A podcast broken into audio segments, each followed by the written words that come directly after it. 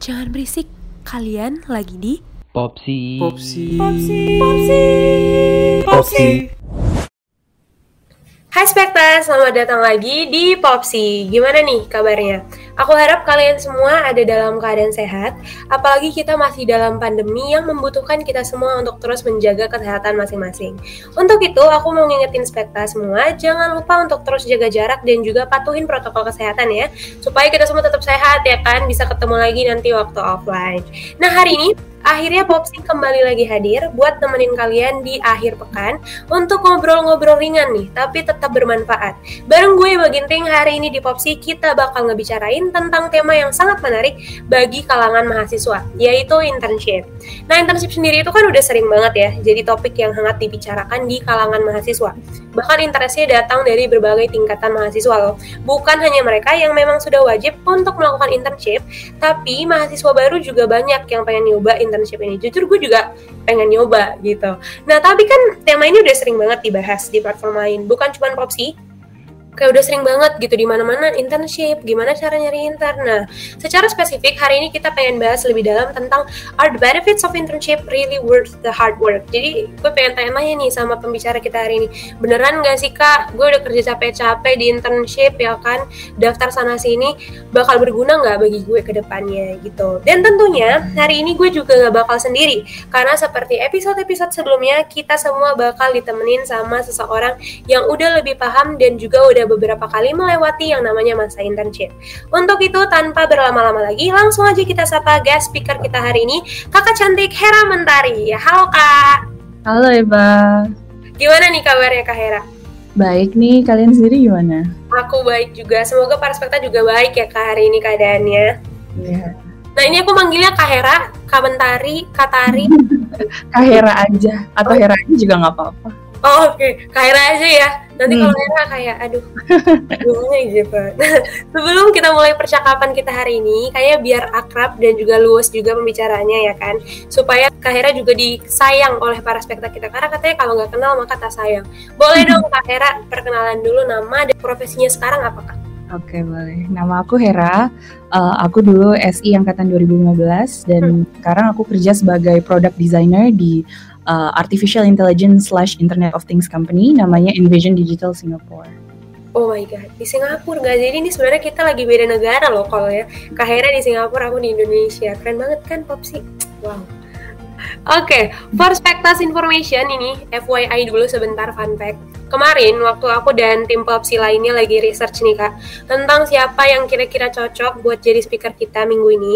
Kak Hera itu ada di posisi paling atas loh. Jadi Aduh, jadi malu nih. speaker itu Kak Hera satu, Hera Mentari gitu. Tahu Kak. And that's why we're really grateful for having you here Kak. Jadi kita mau say thank you dulu buat waktunya, buat pembicaraan kita hari ini. Thank you banget Kakak udah mau nyempetin datang ke Popsi. Hmm, Thank you juga udah mengundang aku jadi narasumber. Iya, tapi pasti Spekta penasaran, kenapa sih Kak Hera ini ada di list pertama kita gitu? Emang apa spesialnya Kak Hera Mentari gitu kan? Nah, aku nggak mau ngarang-ngarang, nggak mau bohong-bohong juga ke kalian, kita langsung tanya aja. Kak Hera dulu, waktu masa-masa kuliah gitu, udah berapa kali sih pernah intern di mana aja dan sebagai apa Kak? Hmm, kalau intern itu eh, totalnya aku kalau nggak salah tuh ada lima internship. Eh, dan internnya itu ada di salah satunya eh, di cargo.co.id dulu namanya. Sekarang eh, known as Cargo Technologies. Terus yang kedua eh, ada di BDO Indonesia eh, itu sebagai eh, IT advisory. Terus yang ketiga eh, ada eh, di KPK sebagai UI UX designer. Terus yang keempat uh, customer experience di Shopee Indonesia. Terus yang terakhir di Traveloka sebagai UI designer. Wow, tuh kan kalian pasti tercengang kan barusan karena gue juga sekarang lagi tercengang banget dengerin jawaban Kak Hera. Nah itu alasan kenapa Kak Hera adalah speaker yang cocok banget buat kita hari ini. Nah gue pengen langsung tanya aja, aku langsung tanya aja ke Kak Hera ya kan. Kak Hmm. Hera itu kan dulu internnya lima kali. Pertama awal-awalnya tuh kenapa sih kak kakak tertarik buat mencoba intern? uh, pertama kali mau intern sih basically kayak semua orang ya awal-awalnya pasti mau cari pengalaman kan. Terus uh, untungnya aku merasa aku jadi salah satu orang yang beruntung yang di mana aku tahu passion aku di bidang apa dari awal. I always knew that I'm into product design and I remember telling myself that design is where I wanted to grow my skill and build a career on. Itu bukan uh, sebuah uh, posisi yang di mana aku love being creative, but I also love the fact that I can be involved in problem solving as well. Hmm. Uh, terus aku punya life values pada saat itu uh, tahun 2017, yang di mana aku mau tujuan hidup aku itu not only benefiting myself, uh, aku juga punya life values. Uh, aku nggak mau uh, what I do is not only benefiting myself but also for the greater good. Jadi pada saat aku daftar-daftar, uh, yang paling penting menurut aku itu aku pastikan values perusahaannya align sama values aku sebagai individu. Terus juga role yang ditawarkan sama perusahaannya itu menarik sama uh, interest aku dan dan hal yang aku suka gitu. Oh, Oke, okay. jadi dulu tuh sebelum kakak intern, the expectation that you have gitu apakah tentang internship? Apakah kakak dulu, oh kayaknya aku berespektasi aku akan jadi lebih baik dalam bidang ini, atau kakak berespektasi duitnya makin banyak nih buat jajan gitu? Dulu ekspektasinya apakah sebelum intern? Sebenarnya kalau ekspektasi itu lebih mau ke experience aja sih, pengen hmm. mengenal gimana sih dunia kerja itu, karena menurut aku tuh uh, ilmu yang atau experience yang bisa aku dapetin dari internship itu akan berbeda dengan uh, experience yang aku dapetin dari bidang akademis aja. Jadi hmm. di situ aku mau dive deeper into the real world. Yes, gitu. Dan setelah kakak intern sendiri terpenuhi ya berarti experience-nya dapat semua ya kak? Iya, luckily iya. Keren banget, oh my god. Oke, okay. nah aku pengen, aku kan penasaran ya. Kan tadi kakak bilang kayak sebelum kakak internship, you make sure that um, the division yang dibuka itu emang pas gitu ke kakak. Hmm. Jadi menurut kakak, apakah sebelum kita ikut intern itu kita harus tahu pasti dulu ke depannya kita mau ambil karir apa, biar internnya juga jadi berguna gitu. Or it doesn't matter whatever we do, as long as we got the experience of working on site. Menurut kakak gimana tuh? Kalau menurut aku balik lagi ke individu sih. Kalau misalnya hmm. kalian udah tahu interest kalian di mana dan bidang expertise kalian di mana, uh, kalau itu udah ada itu bagus. Cuma kan ada juga ya beberapa teman dari kita yang masih belum tahu nih interest kita apa, mau ke depannya kayak gimana, mau jadi apa gitu kan. Apalagi kalau misalnya kalian masih di semester-semester awal kayak uh, semester 4 gitu kan, masih mm-hmm. dua tahun, baru dua tahun kuliah nih, belum tahu nih interestku di mana. Itu bisa aja sih kalian uh, dari intern itu kalian bisa mengetahui uh, area of interest kalian di mana, expertise kalian di mana, dan hal-hal lainnya juga. Jadi nggak apa-apa, coba aja dulu ya kan kak. Siapa tahu hmm. bisa berguna juga ke depannya. Dulu kakak sendiri waktu pertama kali intern itu kakak semester berapa kak Ira? Dulu intern pertama kali itu aku pas libur semester 4 Oh libur semester 4 Berarti sebentar lagi ya kalau di aku Karena aku sekarang semester 4 nih Iya, pas libur panjang itu kan pertama kali kan? Iya, iya. Semester genap kan ya? Iya, benar. Iya, terus kalau intern dari semester 2 pada saat itu aku masih belum pede. Jadi kayak, aduh baru tahun baru tahun kuliah nih, kayaknya belum ada ilmu yang bisa aku tawarin. Jadi iya, iya. waktu itu aku mulai pertama kali pas uh, libur semester 4. Hmm. Um, terus tadi kan kalau kakak sendiri um, ngerasa kayak yang paling penting itu experience-nya kan dari internship ini. Tapi tuh banyak juga orang-orang yang kayak ngerasa money. Dulu kakak waktu internship itu dibayar apa enggak kak? Uh, waktu itu aku dibayar, ya dibayar. Cuma lima limanya atau lima limanya dibayar. Cuma uh, kalau dibandingkan dengan biaya transportasi, karena kan aku dulu tinggalnya uh, di uh, Tangerang ya, Tangerang Selatan, jadi BSD. Itu jauh kan ke Jakarta, terus kantornya selalu di Jakarta atau Kuningan gitu. Terus Sudirman, terus jadi kayak dibandingkan dengan transportasi, bensin, bayar tol gitu-gitu, menurut aku uh, uh, biaya uh, internet gitu. itu masih nggak ketutup sih. Jadi iya, iya. Ya, tapi kan untuk for some people mungkin uh, lumayan lah jadi ada uang saku lebih gitu kan. Iya mungkin pengeluaran kita juga beda-beda kali ya kan jadi ada yang kurang ada yang bisa lebih. Berarti kalau menurut kakak sendiri nih uh, sekarang kan ada banyak unpaid internship kan? Dan tentunya menurut aku juga banyak sih sebenarnya yang mau unpaid internship ini. Nah menurut kakak tuh masalah nggak sih kalau kita intern tanpa digaji menurut aku kalau aku secara individu ya, menurut aku sih nggak apa-apa as long as uh, the position itself nggak consume too much of my self expense. Jadi uh, misalnya nih kalian mau daftar uh, pada saat kalian daftar internship kan harus ada hal yang kalian korbanin misalnya hari libur kalian atau uh, karena kan kalian butuh at least tiga bulan ya biasanya kalau internship ya. dan uh, kalian biasanya pada saat itu daftarnya pas semester genap. Nah semester genap itu kan biasanya SP dibuka kelas semester pendek. Nah kalau misalnya kalian uh, gak bisa mendapatkan experience yang sebanding dengan cost yang harus kalian bayar which is uh, hari libur kalian atau uh, nggak bisa daftar SP gitu kan jadi kuliah kalian lebih lama. Menurut aku uh, lebih baik untuk dikonsider lagi. Tapi kalau misalnya uh, sebanding dan menurut kalian worth it kenapa enggak? Gitu. Yeah. karena menurut aku uang uh, it's quite hygiene tapi it's not the only consideration kan pasti kalian. Experience itu kan mahal ya kak kata hmm. Betul Nah, terus nih kak kan kalau kita mau internship tuh kadang banyak juga di antara teman-teman yang ada di sini spekta-spekta kita tuh mungkin masih bingung gimana sih cara kita dapetin informasi tentang internship. Walaupun nih sekarang udah banyak banget resource yang bisa dipakai. Contohnya Google, LinkedIn atau banyak banget sebenarnya resource tapi mager, ada yang aduh ini beneran gak sih apa tipu-tipu gitu. Dulu kalau kakak sendiri resource that you use to find information about internship itu apa kak? Dulu pakai apa kalau zaman kakak? Mungkin aku ceritain aja kali ya dari lima limanya. Iya boleh, boleh. Gimana? Jadi yang pertama itu uh, aku pas di cargo.co.id karena nama perusahaannya sendiri itu cargo.co.id. Jadi aku bener-bener pas cari tahu tentang uh, perusahaannya aku langsung buka website perusahaannya dan di situ aku iseng-iseng aja nge-scroll ke bawah tiba-tiba ada career page terus aku buka menurut aku uh, career page perusahaan itu lumayan informatif sih untuk mengetahui posisi apa yang lagi mereka tawarkan jadi uh, pada saat itu aku buka terus di situ juga karena timnya masih kecil banget di situ ada kontak person HR-nya. Jadi uh, aku daftar lewat career page as well as kirim email HR-nya. Hmm. Terus pas aku join tuh periodenya tiga bulan kan dan timnya masih kecil banget. Total employee cuma 24 orang including me. Bahkan at the time CEO-nya sendiri Pak Yodi Aditya yang interview aku dan uh, pada saat aku join we even share the same table and he sat right next to me which I think was pretty cool.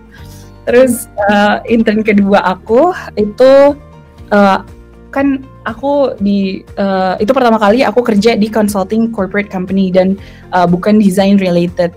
Uh, yang aku bilang tadi aku jadi uh, IT advisory di perusahaan yeah. namanya Video Indonesia dan proses daftar ini lumayan lucu jadi aku buka-buka career page-nya terus di situ nggak ada contact person HR tapi malah uh, ada email address IT direkturnya. Terus aku iseng-iseng aja gitu aku kirim email ke dia nanya ada lowongan atau enggak. Terus funny enough dia ada interest di profile aku dan langsung email aku tuh di forward dari dia ke HR. Terus kita langsung proses interview dan uh, keterima. Terus uh, seru juga lumayan waktu itu responsibility aku uh, tahun 2018 kan European Union baru mengeluarkan GDPR atau General Data Protection Regulation. Jadi basically semua perusahaan yang punya data pribadi uh, European Union citizen harus comply terhadap peraturan itu. Nah, di situ aku buat semacam web-based GDPR checklist self assessment tool untuk IT governance-nya perusahaan. Jadi lebih ke internal project.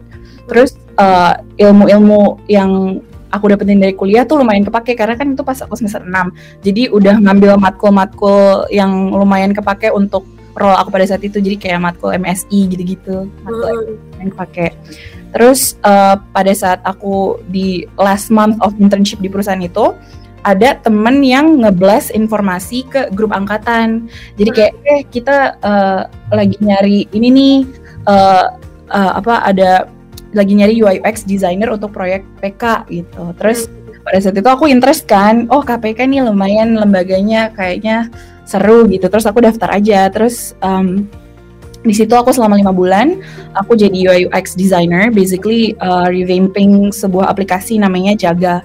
Terus uh, kita ngelakuin research sampai ke desa-desa jadi lumayan seru. Dan hasil produknya itu uh, dirilis pada hari anti korupsi sedunia tahun 2018 terus uh, lumayan memorable karena dihadiri oleh Bapak Presiden terus ada menteri-menteri kepolisian dan juga beberapa perwakilan partai politik. Hmm. Mm -mm. Terus uh, yang keempat ini sebenarnya unexpected sih. Jadi uh, waktu itu aku kan udah mulai lumayan taro-taro experience di LinkedIn kan. Di situ aku uh, uh, dari tiga experience sebelumnya dan juga ada experience uh, asdos. Jadi aku masukin aja gitu loh, iseng. Terus uh, waktu itu aku dikontak sama hiring HR lewat LinkedIn.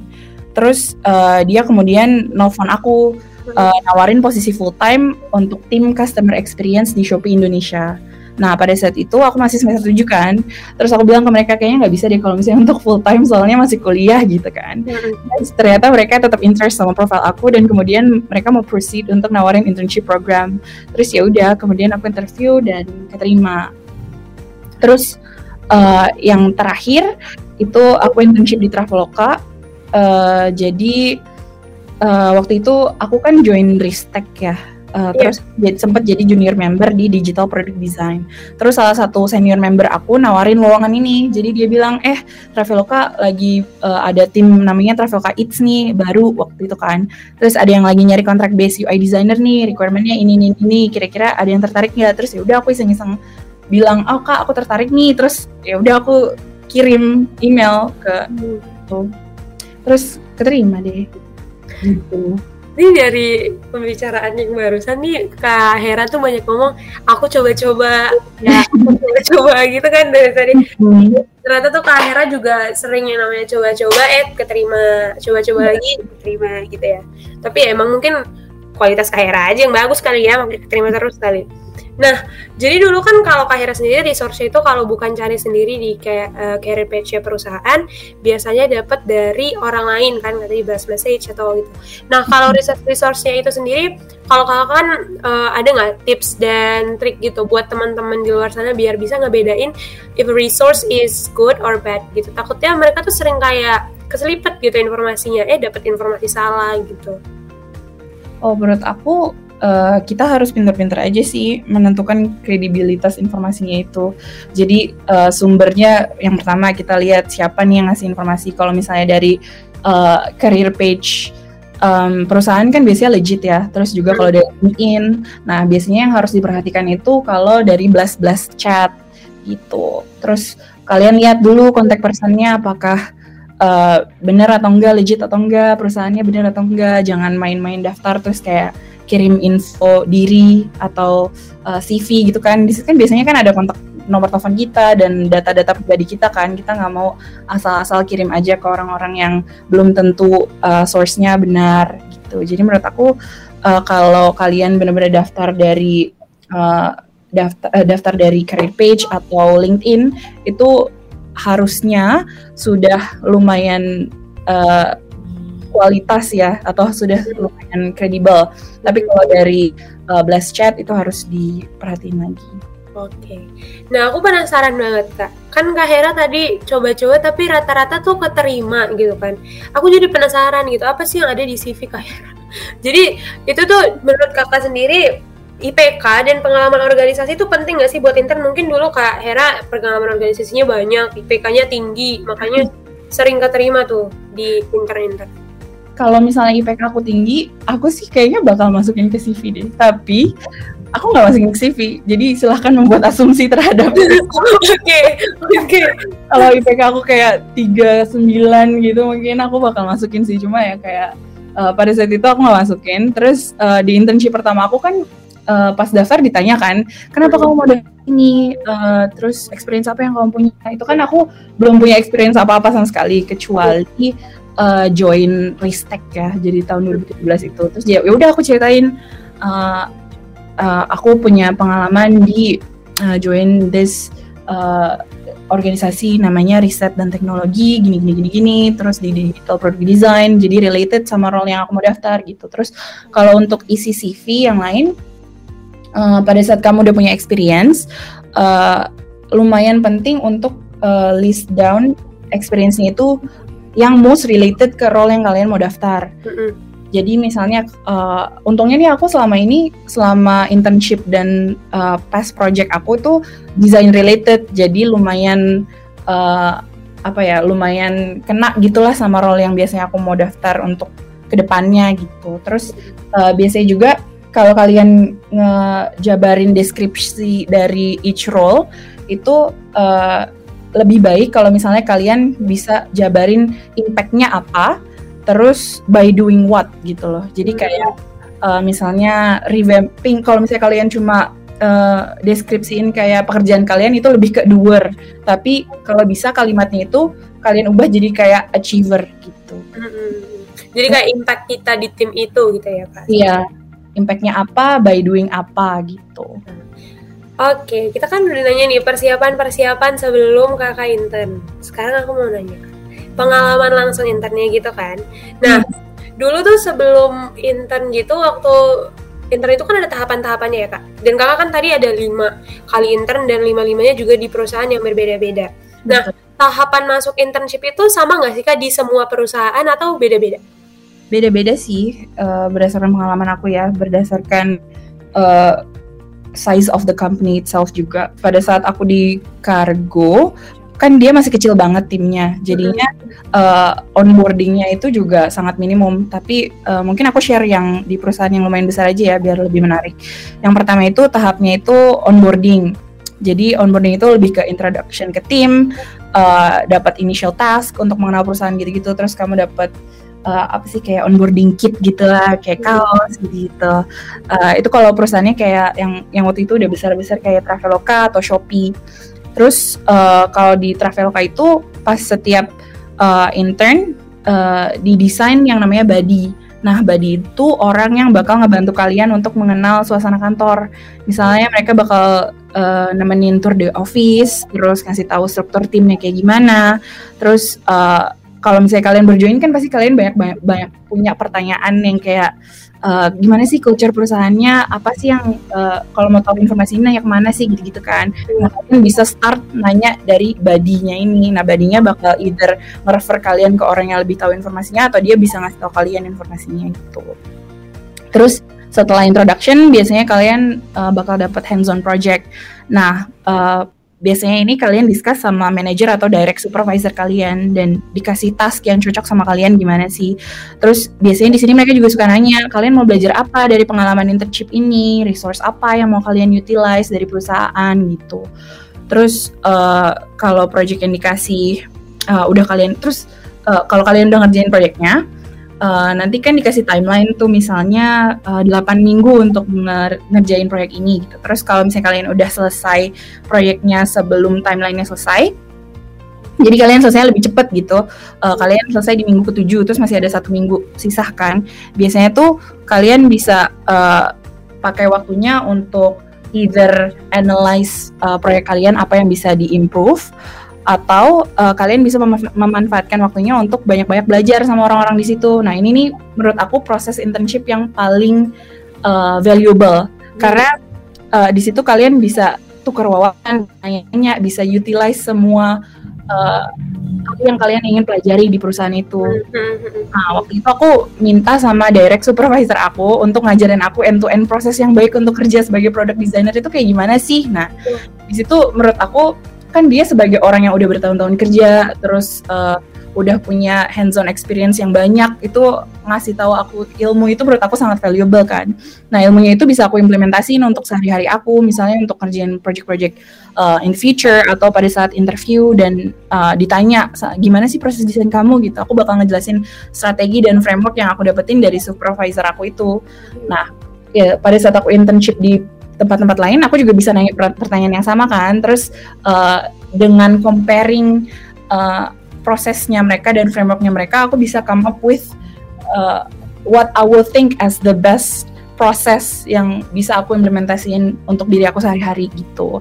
Nah, step ini menurut aku sangat beneficial juga karena uh, kalian juga bisa exploring uh, apa role-role lain yang kalian in- uh, interest gitu. Misalnya aku kan desain, terus uh, aku interest juga untuk jadi project manager. Terus aku bisa bisa nih kalau misalnya punya waktu luang, aku nanya sama uh, project, mana- project manager yang ada di tim aku kayak, eh kak, uh, kalau ada waktunya boleh dong ajar-ajarin aku atau kayak kita tukar-tukar wawasan gitu. Di situ kamu bisa satu dapat ilmu dan kedua kamu juga bisa building koneksi sama orang itu.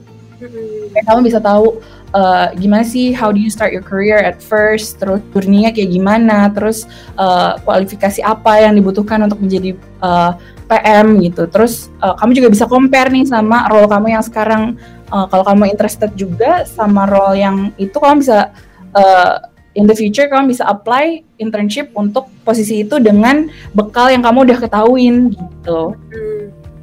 Terus uh, abis itu kan kamu biasanya bakal handover project, terus farewell ke tim dan semua orang yang kamu kerja bareng. Terus biasanya uh, kalau aku di pas aku di cafe itu aku uh, ada last discussion sama direct supervisor terus planning ke depannya bakal kayak gimana? Kamu merasa cocok nggak dengan role kamu sama uh, selama intern kemarin? Terus kira-kira kamu tertarik nggak untuk extend internship di sini? Atau kamu tertarik nggak untuk jadi full timer di sini?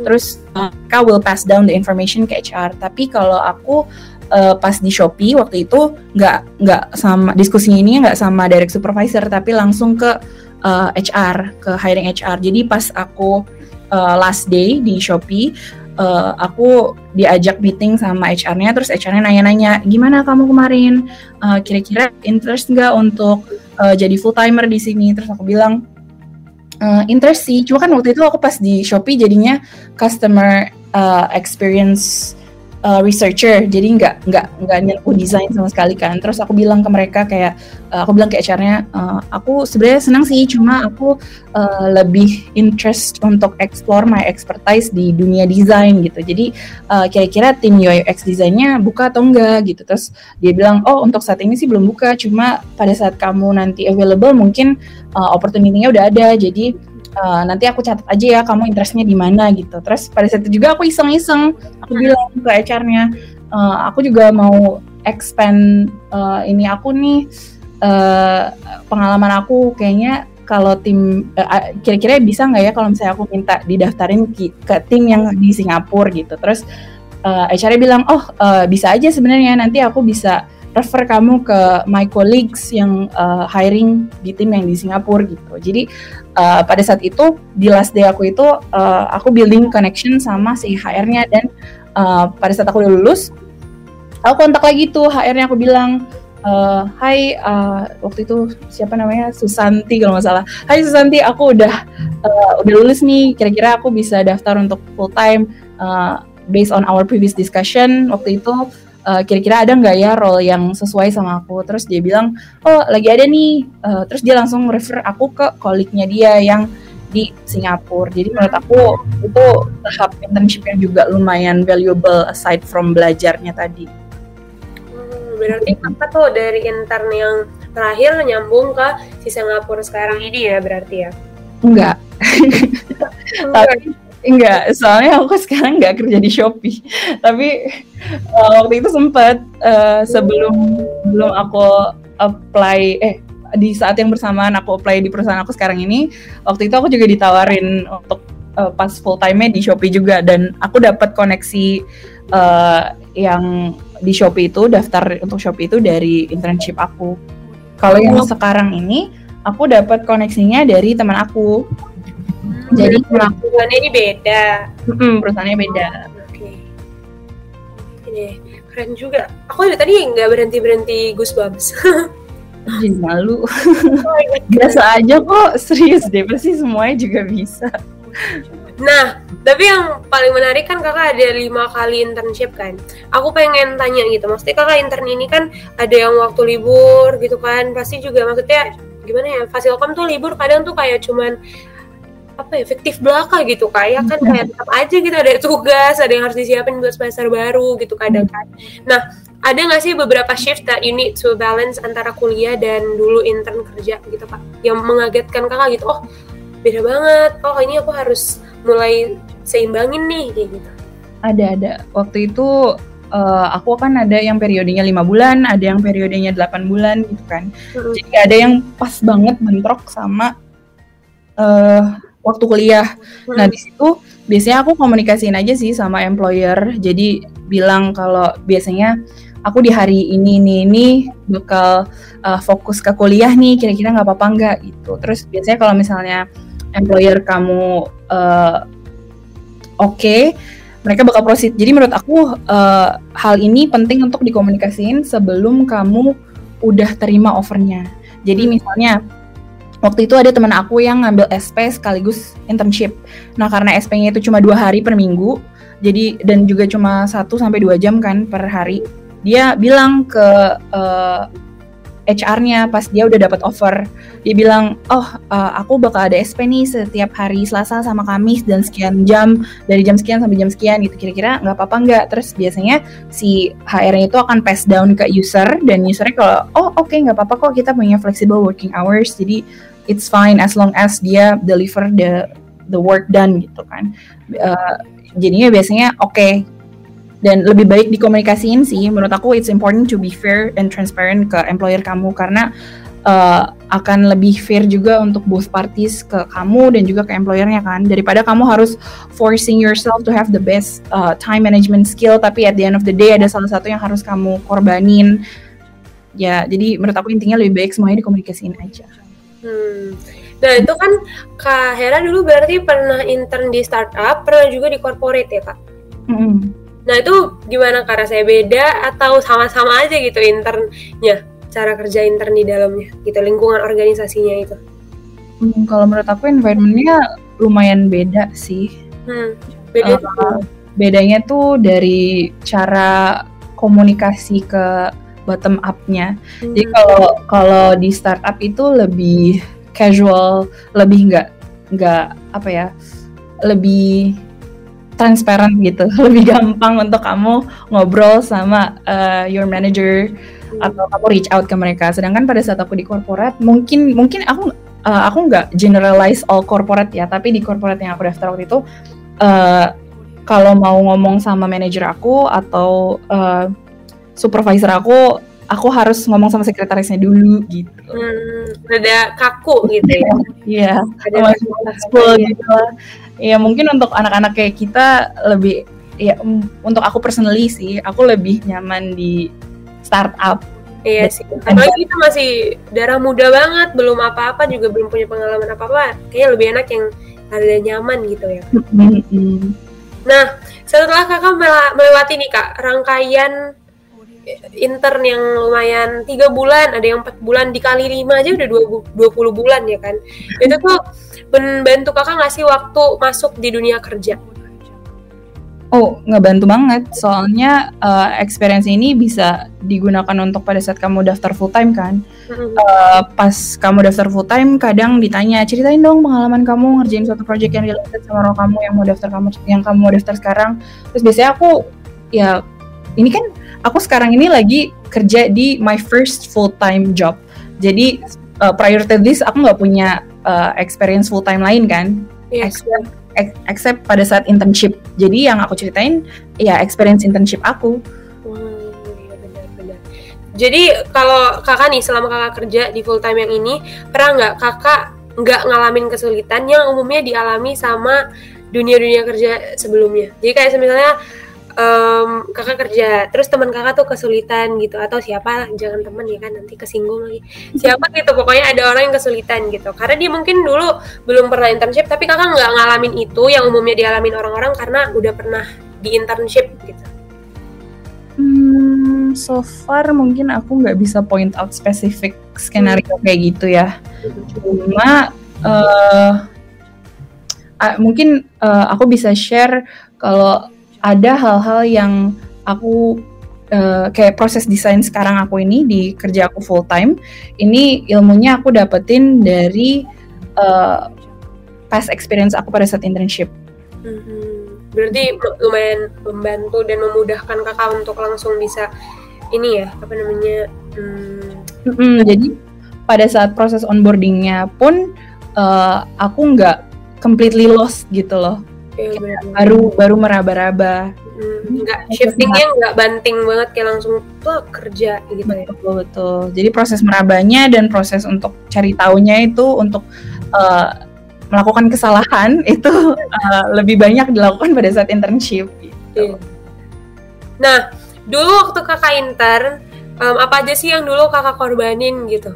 Loss from the internship karena kayak tadi experience-nya dapat banyak gitu kan tapi kan hmm. seperti yang kita bilang tadi ada beberapa hal yang harus kita korbanin gitu ada yang harus kayak kita sisihkan mungkin kita nggak bisa malam mingguan nih sama pasangan kita atau apa gitu kayak yang lost from internship ini bener sih itu um, menurut aku kerugian internship itu aku juga personally aku nggak ngerasain banyak. Jadi uh, salah satu yang aku ngerasa banget itu kan internship minimum periode tiga bulan. Jadi uh, kita cuma bisa ambil pas libur semester genap.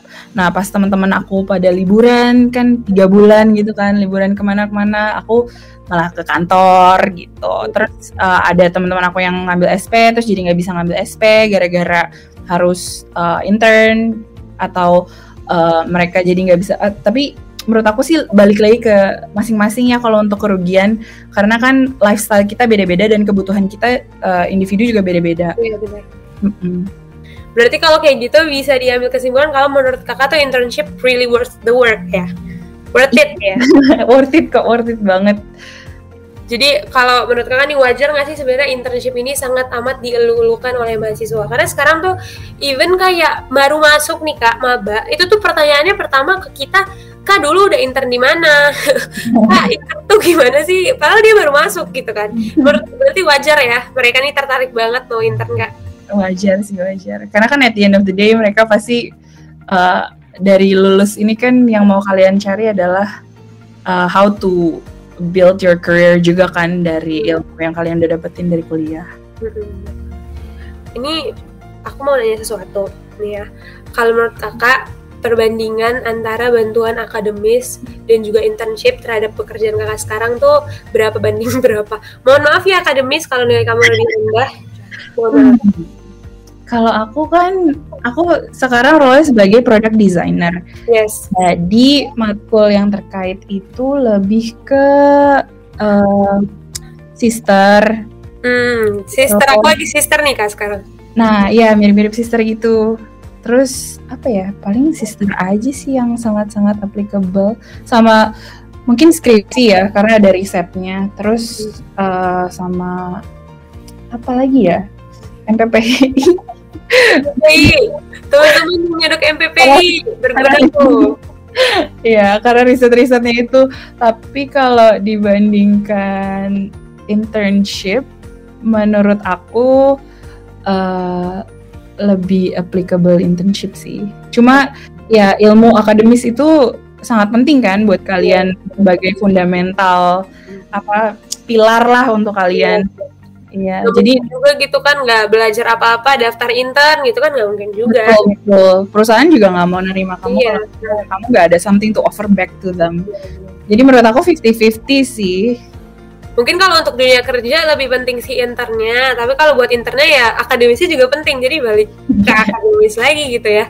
Dasarnya harus kuat dulu ya nggak sih kak? Hmm.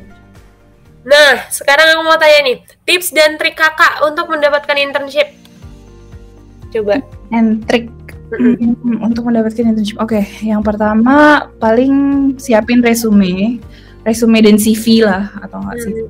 dan CV-nya yang kayak tadi aku mention uh, kalau bisa uh, deskripsinya lebih ke achiever daripada uh, doer terus uh, biasanya siapin portfolio yang kalian punya yang related ke posisi yang kalian mau daftar. Misalnya kalau programmer bisa siapin public projectnya di GitHub. Atau front end bisa punya portfolio website yang isinya kayak komponen-komponen yang pernah kalian bikin.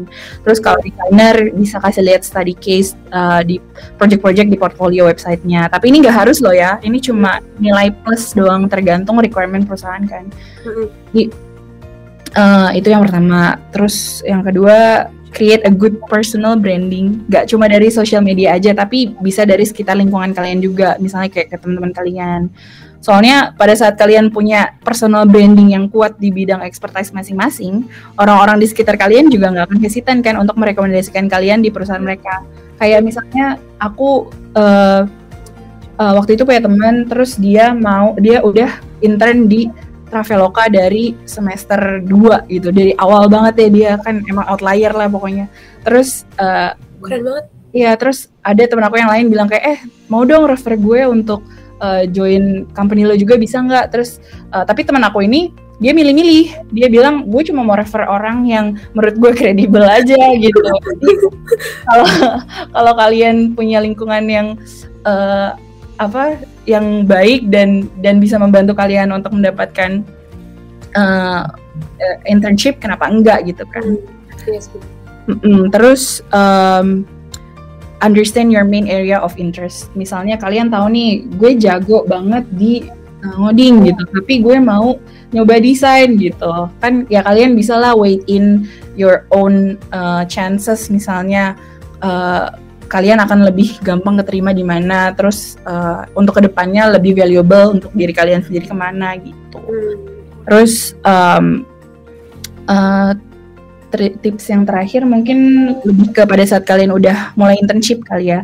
Menurut aku uh, ini penting banget untuk jangan takut untuk bertanya karena uh, kesulitan dalam internship itu yang pertama itu untuk understand the project requirement kan. Hmm. Kayak kalian dikasih tugas baru terus impactnya lumayan gede ke perusahaan terus bikin kalian jadi deg-degan, panik-panik lucu gitu kan. Terus uh, kondisi itu yang bisa bikin kalian lebih susah untuk understand the context. Jadi menurut aku jangan takut untuk bertanya. Terus pada saat kalian bertanya, kalian tuh bisa mengasah critical thinking kalian. Kalian juga bisa uh, dapat informasi-informasi yang membantu proses pekerjaan kalian kan. Jadi hasilnya lebih efektif dan efisien. Gitu. Bener sih. Komunikasi itu hmm. emang kunci dari segalanya ya nggak sih kayak. Kalau kesulitan ditahan-tahan ya makin sulit di situ aja ntar ya. That was an intense talk ya kak. Tadi tuh seru banget. Aku senang banget hari ini bisa ngomong bareng Kak Hera dan bahas banyak hal baru karena aku dapat insight yang banyak banget dari kakak hari ini. But sadly waktunya udah habis. But last but not least, mungkin Kak Hera ada yang mau disampaikan dulu untuk para spekta kita yang pengen banget nih nyobain internship. Hmm, aku bilang semangat dan jangan patah semangat kalau misalnya uh, ditolak atau gimana apalagi lagi posisi pandemi gini kan uh, mungkin kesulitan yang kalian alamin akan berbeda banget sama yang aku alamin kemarin-kemarin. Tapi jangan takut, terus uh, coba-coba aja kayak aku kan kita nggak tahu rezeki kita di mana, terus uh, hasilnya gimana juga. Uh, ya gitu aja sih. Oke okay deh, once again I wanna say thank you banget buat Kak atas waktunya. Um, aku harap pembicaraan kita hari ini bisa bermanfaat dan membantu para spekler di sini yang masih ragu untuk mencoba intensif ya kak. Um, hmm. Aku juga berharap banget kakak ke depannya bisa sukses terus, sehat terus juga, apalagi ini lagi masa pandemi dan semoga nanti bisa ketemu Kak Hera, mungkin siapa tahu Kak Hera ke Jakarta atau mungkin aku yang ke sana atau gimana lah pokoknya siapa tahu bisa ketemu langsung in person. Nah, aku juga mau ngucapin terima kasih untuk para spekta yang udah dengerin kita sampai akhir. Jangan lupa untuk terus ikutin perjalanan Popsi dengan follow akun Spotify kita atau kalian juga bisa follow Instagram kita di sistem underscore fasilkom UI. Jangan lupa juga untuk share episode ini di story kalian atau ke teman-teman kalian yang mungkin butuh informasi-informasi yang tadi udah kaya sampaikan. That's all for today's Spekta. See you on the next episode. Bye-bye! Thank you for tuning in. Sistem Fasilkom UI, driven by innovation.